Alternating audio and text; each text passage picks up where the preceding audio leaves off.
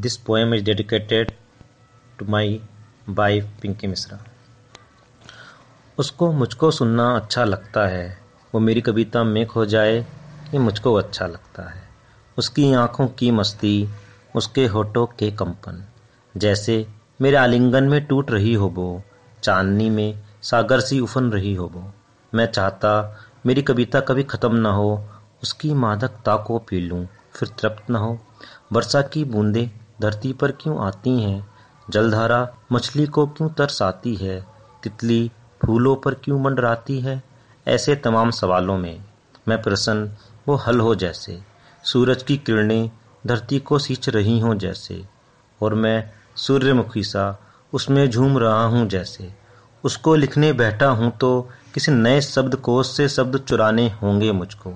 धूमिल सारे प्रतिमान भी हैं अब। उसको रूपक में रचना होगा मुझको। जब इस धरती ने सृजन पाया होगा, उसकी हँसी देख ये ख्याल आया मुझको। ना जाने कैसी हाला है वो, दूर से ही झुमा रही है मुझको।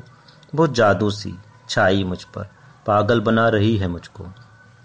मैं डूब रहा हूँ उसकी मैं में, वे दूर नैनों से सुरा पिला रही है मुझको। वो इंद्रधनुष से भी रंगी है, हिरनी से भी ज़्यादा चंचल। ऊँचे गिरते झरने के कलरप सी, प्रातःकाल की अंगड़ाई है वो। हिमनत की हिमनत की जलधारा सी वो निर्मल श्वेत अर्थ खो देगा अपना, इतनी उज्जवल।